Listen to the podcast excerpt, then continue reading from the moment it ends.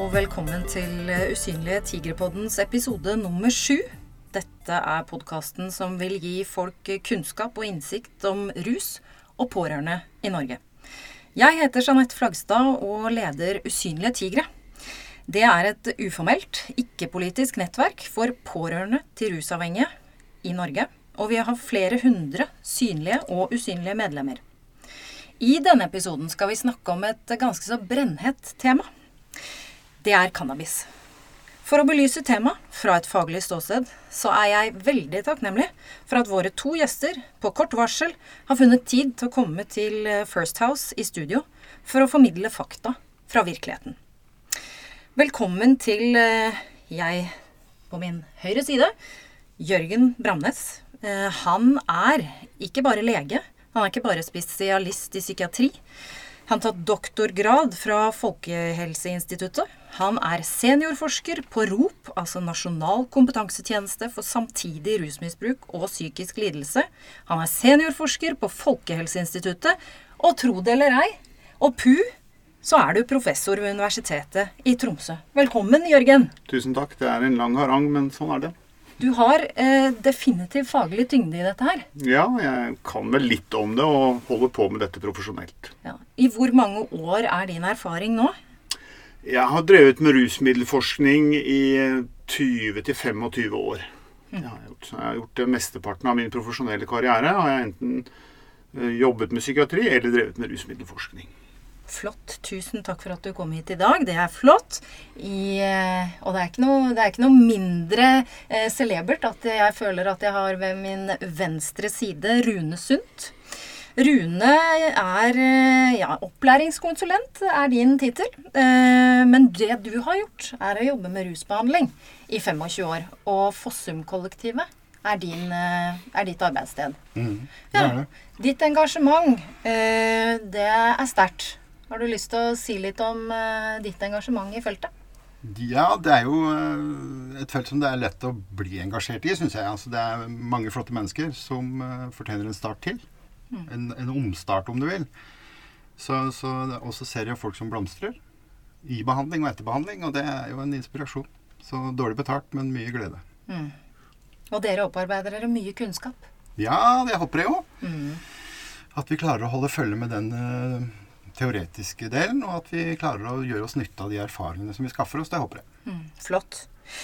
Jeg skal innrømme at eh, jeg har jo vært eh, søstera til min rusavhengige bror i 25 år. Ehm, men jeg ante jo aldri hva slags dop han brukte. Jeg skjønte jo at eh, han var liksom Han blei en annen enn den broren jeg kjente. Og at han ikke egentlig hadde så mye interesse av å henge med oss familien. Ehm, og det er bare noen år siden jeg lærte at cannabis det er et samlebegrep for både hasj og marihuana. Eh, Jørgen, er det mm. riktig? Og kan du si litt om cannabis som rusmiddel? Ja, det kan jeg. Eh, det er jo slik at vi bruker nå mest begrepet, eller betegnelsen cannabis, fordi vi har som du riktig sier, både hasj, som er en sånn tørket kvae som gjerne røykes sammen med eh, sigaretter eller sammen med tobakk. Og så har vi marihuana, som er tørkede blader som kan røykes som sådan. Og så finnes det et utall andre produkter også.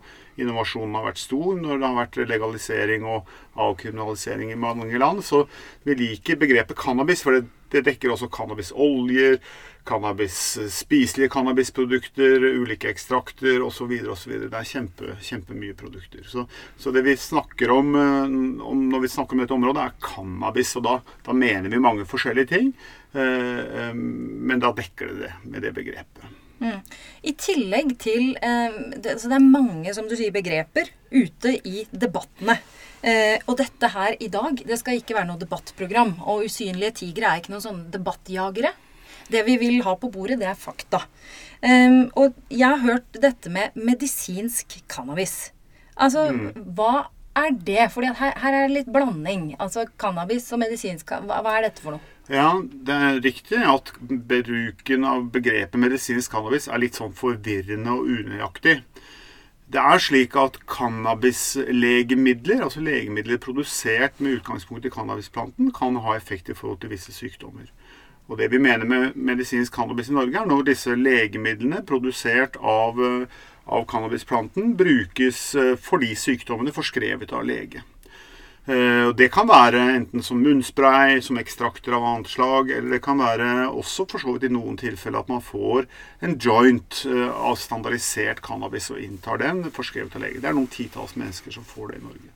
Men så brukes jo også begrepet medisinsk cannabis litt videre og annerledes om den på en måte alternative medisinbevegelsen omtrent som eksisterer i USA, hvor, hvor det er masse cannabisapoteker, hvor det er kjempelett å få tak i medisinsk cannabis, og hvor medisinsk cannabis ikke først og fremst er en vanlig forskrivning fra en lege for et problem, og så, og så ser man om det fungerer, og så fortsetter man, fortsetter man ikke, men hvor det er nærmest noen nære legalisering hvor, hvor det er lavterskeltilbud, hvor du kan gå inn og si at jeg har vondt i et eller annet ledd eller et eller annet sted i kroppen, og så sier de ja, øh, vil du ha cannabis, så, så, så får, du, får, du, den cannabisen du vil ha, og så blir det for så vidt stemplet av en lege dagen etter, men en lege du aldri har sett.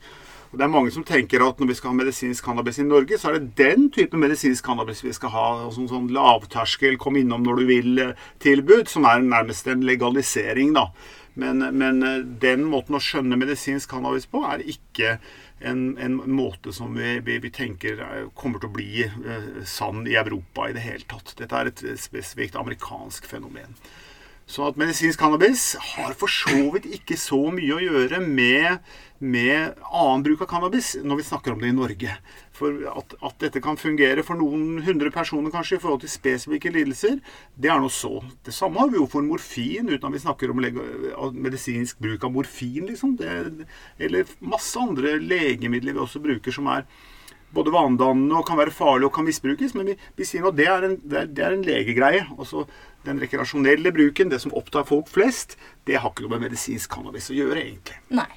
Det er veldig spesielle tilfeller, er det du sier. Og det, man, ja, det, vi skal ikke blande det nødvendigvis i det som snakkes om det at ungdom ruser seg på cannabis for, nei, å, for nei, å, ta seg en fest, liksom. Nei, Eller hva de gjør det, det, det, er best å holde disse tingene fra hverandre. Og, og, medisinsk cannabis er ikke noe argument som kan brukes i noe avkriminaliserings-, legaliserings- eller, straffenivåsdebatt i det hele tatt. Nei. Bra. Jeg har prøvd å lese meg litt opp. Nasjonale tall sier, og da tror jeg det er Ungdata-undersøkelsen, som sier at 25 av guttene i tredje klasse på videregående de har brukt hasj eller marihuana sist år. Eh, og rundt halvparten eh, har fått tilbud. Så det betyr jo også at ganske mange sier nei. Eh, men Rune. Fossum-kollektivet er et bo- og behandlingstilbud med avdelinger over hele landet. Målgruppa deres er ungdom i alderen 15 til 25 eller opp til 30 år med rusmiddelrelaterte problemer eller avhengighet, og med samtidig rus og psykiske lidelser. Det som er spesielt med Fossum, som jeg vet, i hvert fall, er at dere har rett og slett også familiemedlemmene til de rusavhengige med inn i behandlingsopplegget som helt egne pårørendegrupper. Mammaer, pappaer og søsken. Hvordan opplever dere at cannabis påvirker ungdom i dag? For det her blir noen ganger litt sånn bagatellisert. Mm. Det jeg først har lyst til å si, er at det stort sett så er ungdommer fantastiske. Mm. Altså, det går veldig bra med de aller, aller, aller fleste. De presterer, og de gjør, uh, gjør som de skal. De er hyggelige og høflige og ordentlige og Ja, ikke sant? Altså, det, er, det, er, det store bildet. Og så har vi de som, eh, som er kanskje sårbare for uh, bruk av rusmidler, og som kommer i berøring med det. Og når sårbarheten er der, og en tidlig debut er der, så har vi noen som setter seg fast.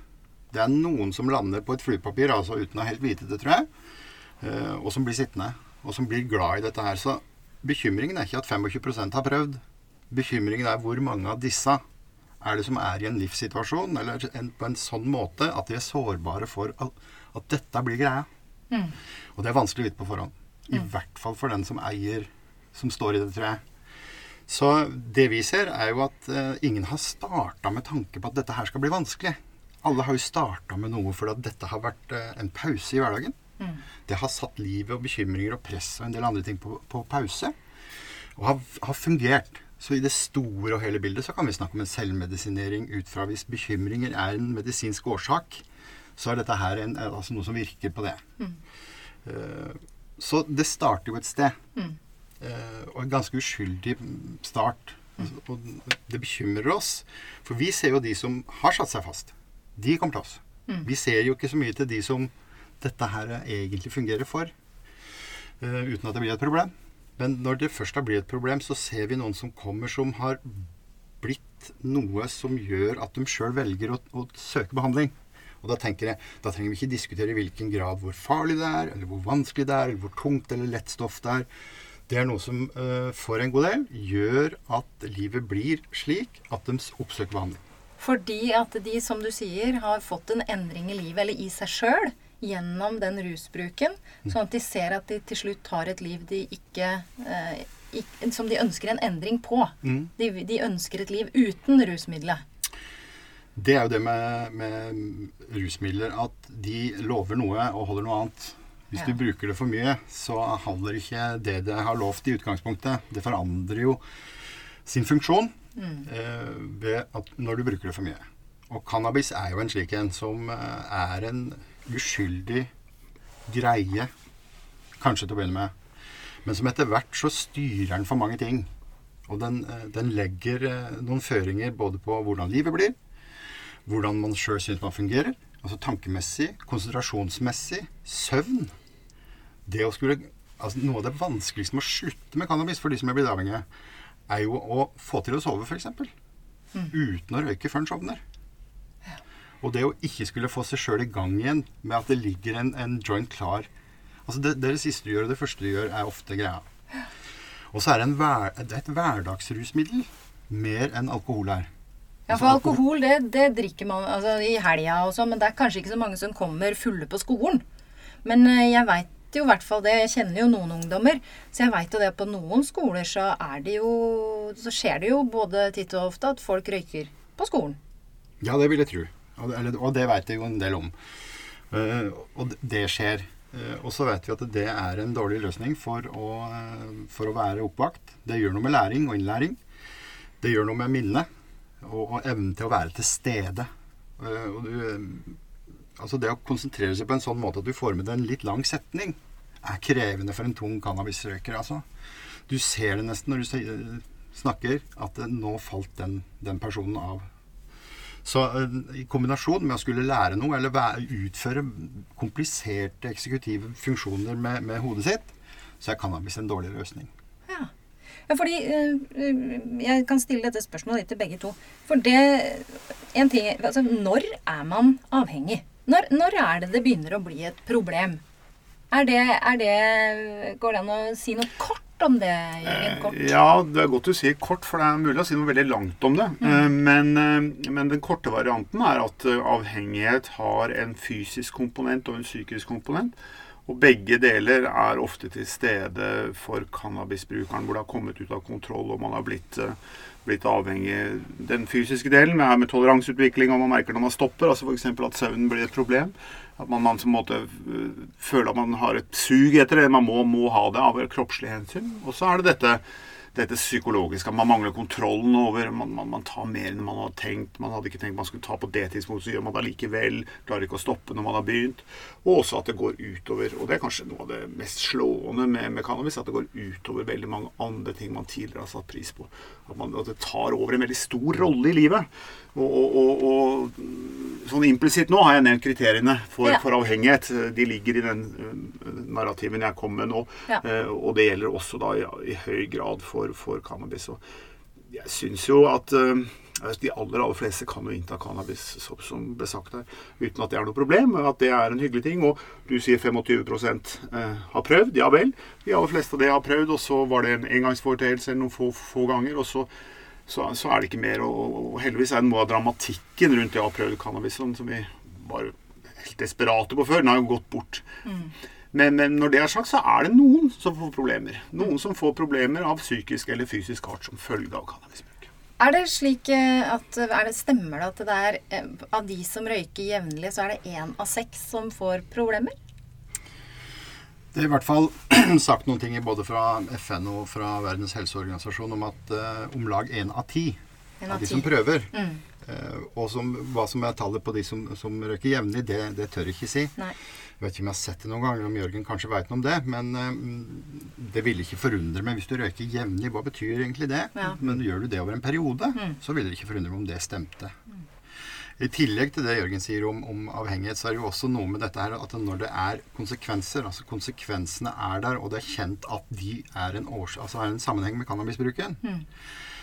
og den ikke slutter til tross for negative konsekvenser som er kjente, Mm. så er det jo fare på ferde. Det, når man velger noe annet enn det man ville gjort hvis man ikke røyka. Og så tenker jeg at eh, inngangen til at uh, ungdommer i dag prøver, kan jo være ulik. Altså Før, da jeg gikk på ungdomsskolen, så var det noen få som liksom Ja ja, de, ja. Uh, mens nå så er det kanskje mange, mange flere som prøver. Og jeg, gjennom å ha blitt eh, kjent med Fossum-kollektivet og med masse pårørende rundt i hele Norge, så veit jeg jo det at familiene sitter i hvert fall og opplever at ungene forandrer seg. De forandrer seg litt i følelser og litt i handlinger og litt sånn. Så lurer de jo Mange foreldre sitter jo her og lurer på hva er det jeg skal se etter? Hva er tegnene? Hva, hva, altså, de sitter og hører på er det farlig, er det ikke farlig, sitter på skolemøter med utekontakter, og så lurer de jo på hva skal jeg se etter? Nå, nå, nå er ikke jeg kanskje skal først og fremst svare på det, øh, øh, men, men øh, det jeg kan si, er jo at Jeg er veldig opptatt av at man ikke skal man skal prøve så lenge som mulig, og det er kanskje den beste forebyggende strategien også, å holde kommunikasjonen åpen. Slik at man ikke behøver å se etter eller kontrollere eller undersøke eller lure så mye, men, men snakke. Og det oppnår man. Eh, Selv om man da er som voksen er man jo redd for så meget for sine barn med å kanskje prøve å styre redselen litt og holde den litt nede, så kan man kanskje oppnå at man kan få en fordomsfri, mer åpen samtale. Og da også være en tilgjengelig ressurs for samtale hvis det skulle gå gærent.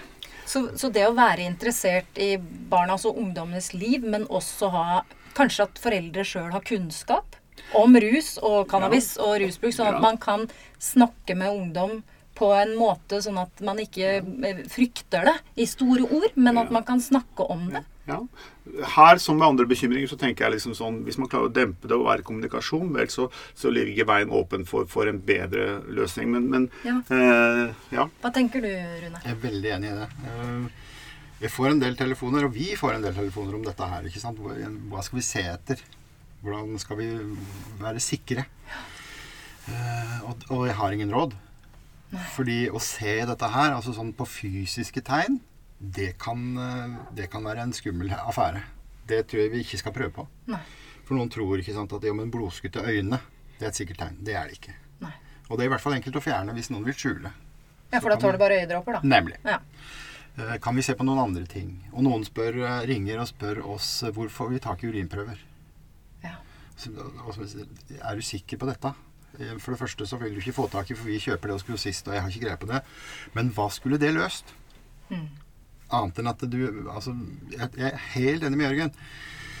Prøv så langt som mulig å være nysgjerrig. Mm. Vær opptatt av deres helse. Vær opptatt av å få formidla at du er bekymra. Altså, jeg er din forelder. Jeg er glad i det. Jeg er bekymra for det som jeg ser skjer. Mm. Det tror jeg er nyttig å formidle. Mens forebygging, det skjer jo fra fødsel og oppover, det.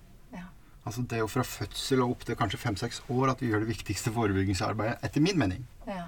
Og gjør eh, barna våre til unge, robuste mennesker som eh, kan ta sunne valg, og som kan tåle ungdomstida. Mm. Ungdomstida er vanskelig. Eh, og vi leser Det som bekymrer meg mest, kanskje, er jo det vi ser av at unge opplever press, stress og ikke strekker til når de er tenåringer. Og de tallene er økende. De vil få en pauseknapp som er ganske skummel med cannabis, kanskje.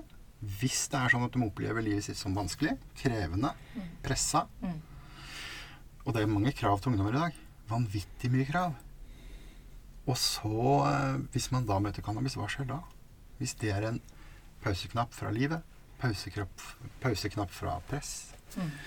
Så Der- det som tidligere liksom jeg på min alder liksom, å, Det var de som ga faen, eller de som liksom sånn. Nå så, så vet jo jeg at det er ikke bare de som er nysgjerrige, de som gir faen, men det er de som Ja, unnskyld språket, men jeg er nå bare meg. Eh, men det er de som eh, Det er de som er deppa. Det er de som kjeder seg, det er de som blir mobba. Det er de som er flinke på skolen, har deltidsjobb og driver med trening, som bare trenger et friminutt, som du sier. Og det er Ja. Det er Jeg skal være litt ja. forsiktig med, med å si at det er sånn. Mm, okay. Det ene er en bekymring. Den generasjonen som kommer nå, opplever noe nytt på mange måter. Altså I forhold til det å stress og press og være utsatt for Det er det. Det vi vet om sårbarheter, som du snakker om de andre, de som har, har bærer med seg noe eh, fra tidligere av, dem kan vi si mye om. Det vet vi er sårbart i forhold til møte med nesten hva som helst av belastninger, inkludert rusmidler. Ja. Mens bekymringen er hvis eh, Vi begynner jo å få nå noen av disse her, ikke så få heller, av disse som tilsynelatende i hvert fall har fått til alt. Har fått til livet. Fått til disse her som er eh, på Instagram, ikke sant, som er uh, ytre sett på toppturene, eller hva det nå måtte være, da. Eh, som snubler borti dette her, og som finner en avslapningsgreie som gjør at det går fort utfor bakke, da. Ja. Så, så det kan hende det er en ny greie. Jeg veit ikke. Det er ikke mange nok til at jeg kan si at jo, sånn er det. Men det er en bekymring i forhold til det, altså. At eh, vi har en omgangsgenerasjon som skal, som skal få til fryktelig mange ting på en gang, syns jeg. Ja, og jeg så en kommentar eh, i går, tilfeldig egentlig, men eh, er det ikke foreldrene som har, ikke har gjort jobben sin hvis unga må ruse seg for å mestre livet? Og da blir jeg veldig redd, fordi at eh, i Usynlige tigre så det er nettopp liksom sånne uttalelser som gjør at det fortsatt er veldig skambelagt å ha rusavhengighet i familien. Det er kjempeviktig at usynlige tigre som kan og vil og tør stå frem, eh, gjør det på vår offentlige side. Fordi rusproblemer skjer i alle familier, i alle samfunnslag, over hele Norge. Og man må ikke tro at det er én grunn til at unger Ja, det fins unger som har opplevd vond barndom, og vi ser vold og overgrep og, og ikke blitt ivaretatt. Det er, man kan lettere forstå da at de kanskje rømmer i rus. Eh, men her er det helt vanlige ungdommer, og foreldra skal ikke ha noe skyld. Eh, det må vi få bort. Du hadde lyst til å si det. Ja, det er jo en veldig enkel sport det å skulle prøve å liksom peke på folk og si du har ikke gjort jobben din. Det er jo ingen foreldre som har gjort jobben sin 100% Det er en illusjon. Det er jo ikke noe, noe vanskelig for, for enhver forelder å føle skam for et eller annet de har gjort i forhold til ungene sine. Så jeg mener, den, den sporten der kan vi ikke holde på med. Det, det, er, det er bare tull, og det, det gir ingen tilfredsstillende forklaring. Og det gir i hvert fall ikke noe poeng i retning av løsning. Eh, Sånn at, sånn at, eh, og, og er det én ting som virkelig er til hinder for både den gode samtalen og for behandlingshåp, så er det jo mer skyld og skam. Sånn at det er veldig counterproductive, som engelskmennene ville sagt, eh, å holde på med det. Det vi må se, er jo på en måte hva er det som, som, som gir muligheter. og, og, da tenker jeg at for så vidt så fins det en øvelse for de si, foreldre som orker og har rom for det, og tenke gjennom er det ting jeg har gjort eller, kan, eller er ting jeg kan gjøre som vil bedre noe. Er det f.eks. slik at mitt forhold til rusmidler, ikke nødvendigvis cannabis, men kanskje alkohol, er på en, er på en måte eh, forbilledlig? For det kan man tenke seg at det å være litt forbilledlig er å vise muligheter til barn. Slik at eh, hvis man framfor å bruke mye energi på å føle skyld og skam, kanskje bruke litt energi på å si er det noe jeg kan gjøre. Eh, og da tenker jeg først og fremst titt litt på eget liv. For det er eh, Det kan være, kan være at det er lurt. Og så, bruker man resten av energien på å prøve å kommunisere. Og så er det jo sånn at når man prøver å kommunisere og holde på og så vil mange si ja, men det nytter ikke, jeg klarer ikke, jeg kommer ikke gjennom. Nei, det gjør du kanskje ikke, men eh, det er kanskje ikke mulig. Men du skal allikevel ha for å ha prøvd, og det tror jeg. Hvis du så på 100 mennesker, og så så du at på år én så var 50 av dem hadde prøvd, men ikke nådd igjennom, og den andre hadde ikke prøvd, og da heller ikke nådd igjennom, så vil de som har prøvd, oppleve at på lang sikt så er det bedre. Du vil få kommunikasjon nå på lengre Nei, det kan ikke jeg garantere. Nei. Men på snitt så vil du øke håpet. Ved at du står i fortvilelsen, at du står i forsøkene, at du viser at du bryr deg, så vil det øke sannsynligheten. Sånn at, eh, og da må du jo eventuelt søke støtte sjøl for å kunne orke det. Men, eh, og det er jo det som er bra med Fossum-kollektivet. De gir den type støtte. Men, men, men, men, altså selv når det er vanskeligst og mørkest og dypest og fortvilelsen er stor, du aner ikke hva du skal gjøre, så hjelper det å bry seg. Mm. Ikke da, med noe sikkerhet eller nødvendighet, men det er bedre å gjøre det allikevel. Ja, Men snakker du da om før ungen da begynte å ruse seg? Eller snakker du om Snakker om alltid. Ja, altså liksom, ja, at man alltid. er interessert. Og det du sa i stad, Rune, i forhold til, uh, i forhold til um, det å ha kommunikasjon og, og, og, og, formidle La oss si noen foreldre Det kan jo være man aldri merker noe. Altså at, at unga er godt utpå og lever sitt liv med rus på skolen og sørger for at de er nyktre når de kommer hjem til middag, for da har de røyka de jointene de skulle, eller sånn.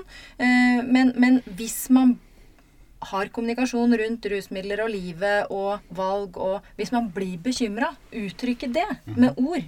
Jeg er bekymra for det som skjer med deg nå. Det er det du mener at man skal da ta kommunikasjonen med å si. Ja, det tenker jeg. Uttrykke det til unga. Jeg tenker det. Mm. Det er det som ligger for meg når Jørgen prater i en åpen kommunikasjon, så er det altså at jeg tar utgangspunkt i meg i kommunikasjon med deg.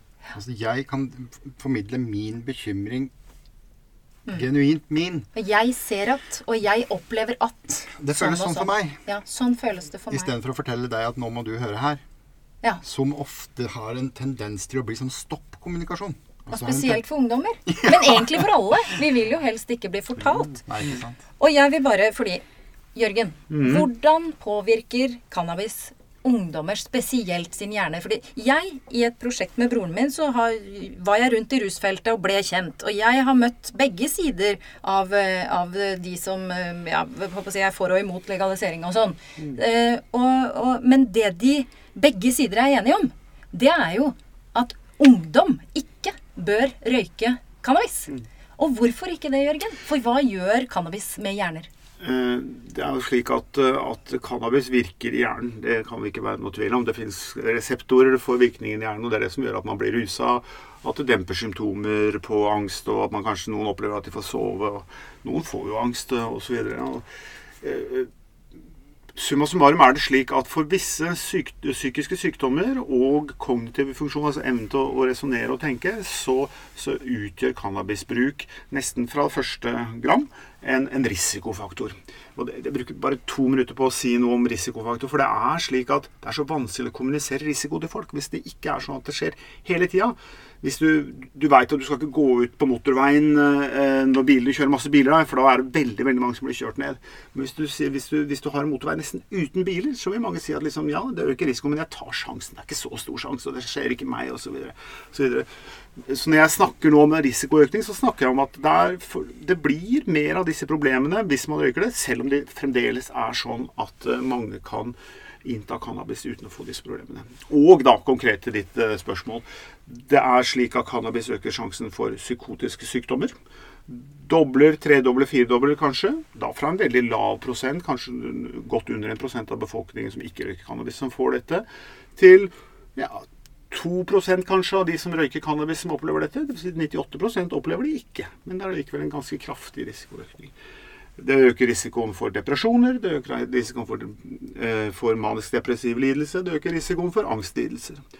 Og så for ungdom spesielt, så har jo Verdens helseorganisasjon sagt at denne nedsettelsen av IQ, altså intelligenskoeffisient, som ligger på rundt åtte poeng, som vi ser på snitt, noen mer, noen mindre, den er og Formuleringen de bruker, er antagelig reverserbar hos voksne men man vet ikke helt hvordan det er hos ungdom. Eh, sånn at de advarer da ut fra denne eh, nedsettelsen av evnen til resonnering og tenkning eh, mot bruk av cannabis i den utviklende hjernen. Og den utviklende hjernen er faktisk til godt stykke inn i 20-årene. Det er ikke sånn at man er ferdig utvikla oppi skallen når man er under 2-3-24. Mm. Oi. Så det at uh, veldig masse ungdom egentlig sier ja, jeg er mye bedre å røyke cannabis Jeg har vært med på et møte med en sånn saltokoordinator i ja. en bydel i Oslo. Hvor han Det han egentlig gjorde der, var jo å vise fakta i forhold til Eh, alkohol vs cannabis. Ja. Eh, og apropos masse argumentasjon som blir brukt. Du så nettopp et debattprogram eh, på TV, ikke sant? Så, hvor du kunne faktisk i etterkant se hva var det du, Om du kan si det selv? Ja, ja altså, For det første så, så sier jo veldig mange at men cannabis er mindre farlig enn alkohol. Og det stemmer nok eh, ganske bra, eh, det. altså. Og det er, det er både større helsekonsekvenser av alkohol, det er flere som bruker alkohol osv. Men det er jo slik at folk velger jo ikke. De- aller fleste undersøkelser på dette området viser at ting brukes sammen. Så det er ikke sånn at folk erstatter eh, alkoholen sin med cannabis. Nei, cannabis kommer i tillegg, og som ble nevnt tidligere, kanskje i andre settinger, men allikevel i tillegg. Eh, Men det er jo interessant med alle disse cannabisdebattene som foregår nå, og mange som kaster fram ting at det er sånn og sånn og sånn er det. Og jeg, jeg, hvis jeg hadde drevet med eh, i faktisk.no, så ville jeg jo ikke vært arbeidsledig innenfor for cannabisdebattene, for det påstås og sies veldig mange ting. En sånn ting som jeg da henviser til, eh, som jeg nevnte før sending her, var at, at vi må få cannabis inn i ordnede former. Derfor må vi legalisere det. Det høres jo ut som en eh, god, god uh, intensjon, at man skal få bort det svarte markedet for, for cannabis. Men det er ingen steder hvor man har legalisert cannabis at det har vært noen reduksjon i det svarte markedet for cannabisbruk. Det svarte markedet vil uh, fortsette å leve veldig godt på siden av det regulerte markedet. eh, Og det vil være fordi de kan underby folk i pris, de kan selge til folk som de kan selge sterkere cannabis, og de kan selge til folk som ikke får kjøpt på, på, på, på, på cannabispolet, da, hvis man legaliserte det. Slik at, eh, og det ser vi jo selv fra stater som har det veldig liberalt i USA, sånn som California, så er det et stort illegal marked som fremdeles består etter at man har legalisert det. Så det er ett eksempel på at tanken på at man skal liksom få det inn i ordnede former, den er for så vidt god, men den, den er, det er ikke noe empiri som kan støtte den. Ja. Og så tenker jeg også på at eh, cannabis har jo forandra seg over tid. Ja. Det som ble røyka på 1980-tallet da jeg var liten og de var i Slottsparken, det ikke, har ikke det samme virkestoffnivået, altså THC-nivået, som er nå. Eh, Før var det på hva var det, 7-8 eller hva det og nå er det økt til hva? 30 eller Ja, altså De siste tallene fra Kripos, og det stemmer godt overens med det vi ser internasjonalt også, er at, at eh, den gjennomsnittlige uh, virkestoffkonsentrasjonen ligger på rundt 30% Det er i hvert fall tre, om ikke fire ganger så høyt som det vi så for bare ti år siden. Så det er på mange måter et nytt rusmiddel vi har. Eh, man kunne jo tro at folk har brukt det mindre, men alle de undersøkelser vi har gjort foreløpig, viser at eh, folk kompenserer ikke ved å innta mindre. De, de, de er mer rusa. og, og dette har vi ganske gode langsgående serier på. Å se hvordan folks øh, øh, promillenivå, eller altså nivået av THC, følger den kurven som, som produktene følger også. Altså, sånn at, øh, det har vi ikke nok forskning på. Og, hvis i noen grad vi er bekymret på dette området øh, Jeg liker jo aldri at forskere er så veldig bekymret, for vi skal være litt sånn ikke-emosjonelle. Øh, men, men hvis vi er bekymret for noe, så er det på en måte hva hva fører denne sterkere cannabisen til? Eh, Det har vi for lite kunnskap om nå, så det, det gjenstår å se, som det heter. Ja. Rune, eh, disse som kommer inn til dere, har jo avhengighet av ulike rusmidler. Eh, Men, eh, men eh, jeg vet jo det at antallet ungdommer eller personer som søker hjelp for sin cannabisavhengighet, er betydelig økende. Ja. Kan du si noe om det? Hva ser dere? Vi, vi ser også det, mm, men så er det jo statistikk fra hele Europa, i hvert fall som jeg har sett, som, som er altså som Cannabisgruppen er den raskest voksende av disse ruspasientene som søker hjelp. Eh, Vi ser noe av det. Og så er jo det er jo nesten ingen som kommer med bare ett rusmiddel i ryggsekken. De kommer i hvert fall med alkohol og cannabis. Og ikke så sjelden veldig mange flere, selvfølgelig. Men vi syns vi ser at den gruppen som har cannabis-alkohol-kombinasjonen med seg inn, øker. Og kun de. Eh, Tradisjonelt så har jo vi kanskje mm, Altså vi har alltid hatt hele vifta. Altså alle rusmidler. Det som gjerne kalles for tunge. Måtte gudene vite hvor det begrepet kommer ifra. Og de lette, for ikke å snakke om hvor det begrepet kommer ifra. Ja. Jeg lurer på hvem som har laga den lista. Ja. Det lurer jeg på. Men eh, så har vi jo alltid hatt den vifta. Eh, men jeg lurer på, uten at jeg kan gi noe belegg for det, for vi er ikke store nok til å si at sånn er det, men eh, kanskje er det sånn at vi ser et økende antall med de som har kun cannabis i ryggsekken i tillegg til alkohol. Og det er jeg helt enig med Jørgen i, at det er jo ikke sånn at cannabis erstatter et annet rusmiddel. Og de som kommer inn, har aldri én. Hvis det er det, så er det alkohol. De er noen få av hos oss i den gruppa som, aldersgruppa som vi har. Mens det er ganske mange som har cannabis og alkohol. Og så er det selvfølgelig den store hopen som har langt flere rusmidler. Og det der med avhengighet eh, Det er ingen måte man nødvendigvis kan vite om man er på en måte sårbar eller disponert. Eller altså, hvis man setter opp ti stykker og rekker opp hånda hvem som tror at de kommer til å bli avhengig. Det er jo ikke så det, Altså vite hvem som er de som havner på det. På den galeien og på det fluepapiret du nevnte helt i starten, da. Nei, det der er jo eh, altså, Jeg har jo vært i noen sånne legaliseringsdebatter hvor man da har sagt at ja, så får vi heller hindre de sårbare i å få tilgang til cannabis. Og da, da, da blir jeg alltid litt sånn overbærende og himler litt med øynene, fordi, fordi at den som, akkurat som du sier, sårbarheten er ja, det, det, klarer vi ikke å måle. Og det er klart Vi vet noen risikofaktorer, men, men det ligger i begrepet nærmest at det er noe som heller litt mer i den ene retning enn den andre retning. Men mesteparten av det vet vi jo faktisk ikke. Mm. Hva kan foreldre gjøre, Rune, hvis de mistenker da at unga, at unga deres at de er helt fortvila? De veit ikke hva de skal gjøre. Det er et eller annet gærent. De har ikke kommunikasjon. De når ikke gjennom. Hva i huleste gjør jeg nå? Ikke være aleine. Første bud. Ok, oppsøk nettverk? Ja, oppsøk hjelp? Gjør det. Ja, eller noen som uh, kan vite noe mer om dette fordi de har opplevd det sjøl på en eller annen måte. Ja. Uh, fryktelig mange av de foreldrene og foresatte som kommer til oss inn i det familiearbeidet, har vært et, et, fantastisk ensomme. Og de har kjempa aleine. Det har kanskje vært den største belastningen for alle sammen. At de har både faktisk vært aleine, og så gjort seg aleine, isolert og skamma seg og alt det der. Mm. Og stått aleine. Mm. Følt seg aleine. Så den, den pakken hvor du faktisk både er aleine og føler deg aleine, og det er så skadelig. Jeg tror det er mer skadelig enn å være bekymra. Altså. For uh, hadde du bare hatt ei hånd å holde i, og noen som visste at ja, nå veit jeg hvordan du har det Og Vi ser jo det når de kommer inn i familiearbeid på, på Fossum-kollektivet, så tror jeg altså De kommer med stramme skuldre. De kommer styve inn og har liksom stålsatt seg for at du skal få en moralsk pekefinger om at nå, hva er det du har gjort siden barnet ditt ser sånn og sånn ut, holdt jeg på å si. Ja.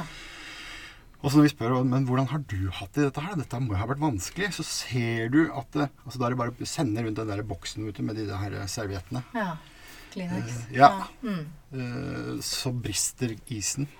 Altså det, det, alle uh, får sånne voldsomme reaksjoner når du skjønner at her skal jeg ikke få kjeft, eller her skal jeg ikke strammes opp, eller her skal jeg ikke læres å være en forelder, eller her skal jeg faktisk For det er jo greia.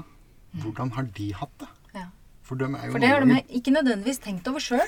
Man tenker jo bare på den som er rusavhengig, eller den man Nærlig. er bekymra for, og så der lever man livet i dem. Mm. Det er nesten det man gjør. Ja, ja det. Og vi burde jo, det er selvutslettende. Og jeg tenker jo, Én ting er Fossum. Dere får igjen unge ungdommene i behandling. Mm. Eh, men så fins det jo tusenvis mm. av foreldre der ute som ikke får unga sine i behandling. Mm. Men det å søke nettverk Det fins eh, hjelpetilbud på websidene til Usynlige tigre. På usynligetigre.no. Der er det 'søk hjelp'. Så her fins det masse ulike hjelpetilbud, men man må søke det sjøl. Det er ingen som kommer og henter deg inn og gir deg hjelp. Du må søke det sjøl. Så vekk med skam. Vekk med tabu. Rusproblemer skjer i alle familier, tenker jeg. Um, jeg Det å slutte med cannabis, er det vanskelig? Ja, det er litt vanskelig. Uh, det er et seigt stoff å jobbe med på alle måter. Det er en, uh, det er en sein oppvåkning. Hvis det går an å si det sånn. Ja. Den tar tid, altså. Den derre å komme tilbake og få tilbake bevisstheten, få tilbake en døgnrytme. Få tilbake følelsen av å tenke klart. De sier, det var jo, jeg, jeg hadde jo et tåke som var så seig så lenge, sier de. Og det, vi snakker måneder. Før, og så sier de plutselig en dag så begynte jeg å oppdage noe nytt bare i omgivelsene. Ja. Altså, så, Har du lagt merke til kan de si, og da har de vært der i flere. Så det er en seig materie.